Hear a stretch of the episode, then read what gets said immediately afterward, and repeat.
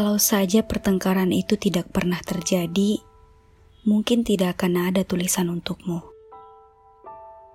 Dari sudut dinding studio kecilku, aku merindukan suara tawamu. Tawa yang selalu kudengar setiap malam sebelum kita terlelap. Kamu masih ingat kan? Hampir setiap ceritaku berisi tentang omelan tamu undangan yang selalu minta difoto. Padahal aku dan timku sibuk mengurus dokumentasi pengantin.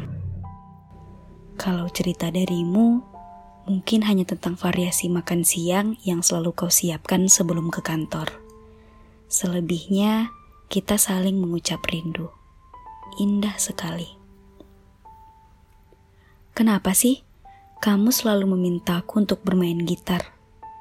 Sebetulnya tidak masalah, tapi aku tidak suka jika aku juga yang bernyanyi.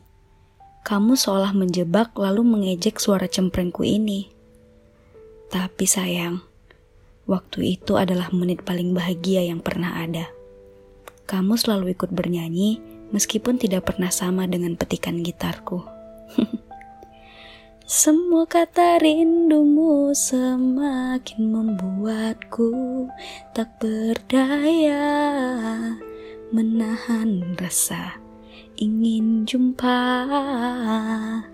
Percayalah padaku, aku pun rindu kamu. Ku akan pulang. Lirik yang selalu membuat kita memejamkan mata lalu saling berharap untuk berada di tempat yang sama. Kamu di sebelahku, dan aku di sampingmu. Oh iya, beberapa bulan belakangan ini pesanan sepi sekali. Ya, menurutmu saja, siapa yang mau memakai jasa tukang foto amatir di masa pandemi ini? Tidak ada dokumentasi pesta, tidak ada pesanan video, dan tidak ada pula yang datang ke studio untuk berfoto. Aku sempat benci sekali dengan keadaan itu. Tapi hidup harus realistis kan? Aku butuh uang untuk hidup. Membelikan ibuku beras, memberi uang jajan pada keponakan-keponakanku, sampai mentraktir jus buah untuk teman-teman yang sering nongkrong di studio. Kamu tahu kan kalau aku mencoba menjual madu? Ya, kuharap.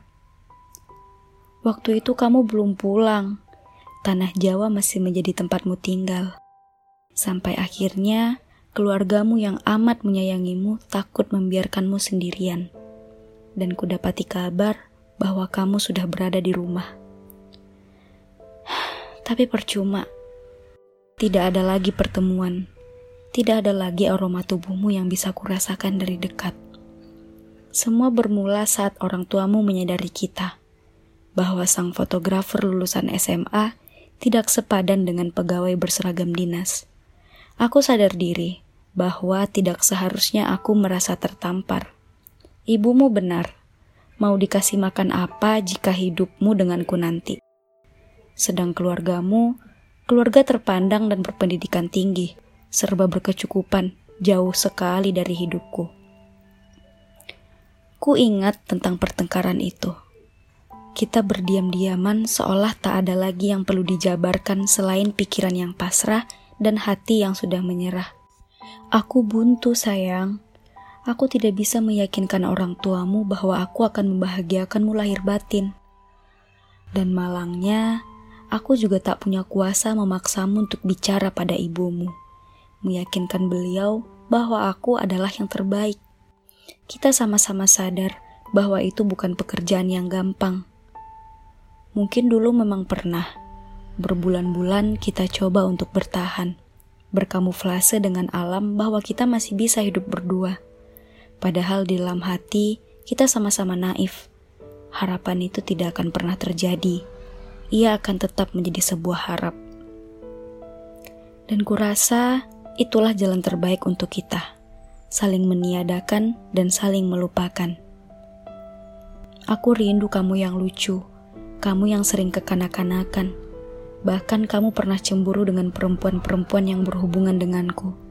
Belum sempat kujelaskan bahwa mereka hanya klien, tapi kamu sudah memilih jalanin jamu, diam seribu bahasa.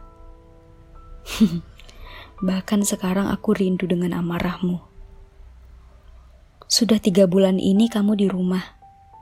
Jangankan untuk bertemu, bertegur sapa saja kita sudah tak pernah.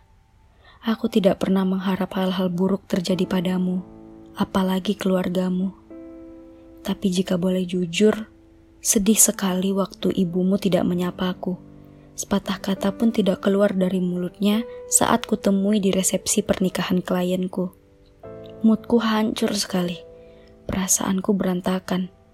Seandainya kamu tahu ini lebih awal, pasti kamu akan menenangkanku di waktu itu. Hah, sudahlah, terlambat. Lagi pula aku harus bangkit lagi. Mana mungkin aku mengorbankan hasil foto pengantin yang berbahagia saat itu hanya karena aku tidak disapa calon mertua impianku. Moodku harus membaik lagi, bukan? Sekarang, aku sudah disibukkan dengan kegiatan-kegiatanku. Di sini kondisi sudah aman, sudah banyak yang menggelar pesta pernikahan. Kemarin juga dinas-dinas pemerintahan memintaku untuk membuat video profilnya, mau persiapan pemilu sepertinya para mahasiswa perantau juga datang ke studio bersama teman-teman lamanya untuk berfoto. Maaf sayang, aku sudah sibuk kembali. Lalu bagaimana denganmu? Kamu bekerja di rumah seperti pekerja-pekerja perusahaan. Semoga kamu juga sibuk, sehingga tak tersisa lagi waktumu untuk mengenang kisah kita. Kuharap laki-laki yang akan datang padamu nanti adalah ia yang sepadan dengan hidupmu kini. Salamku, sang fotografer amatir.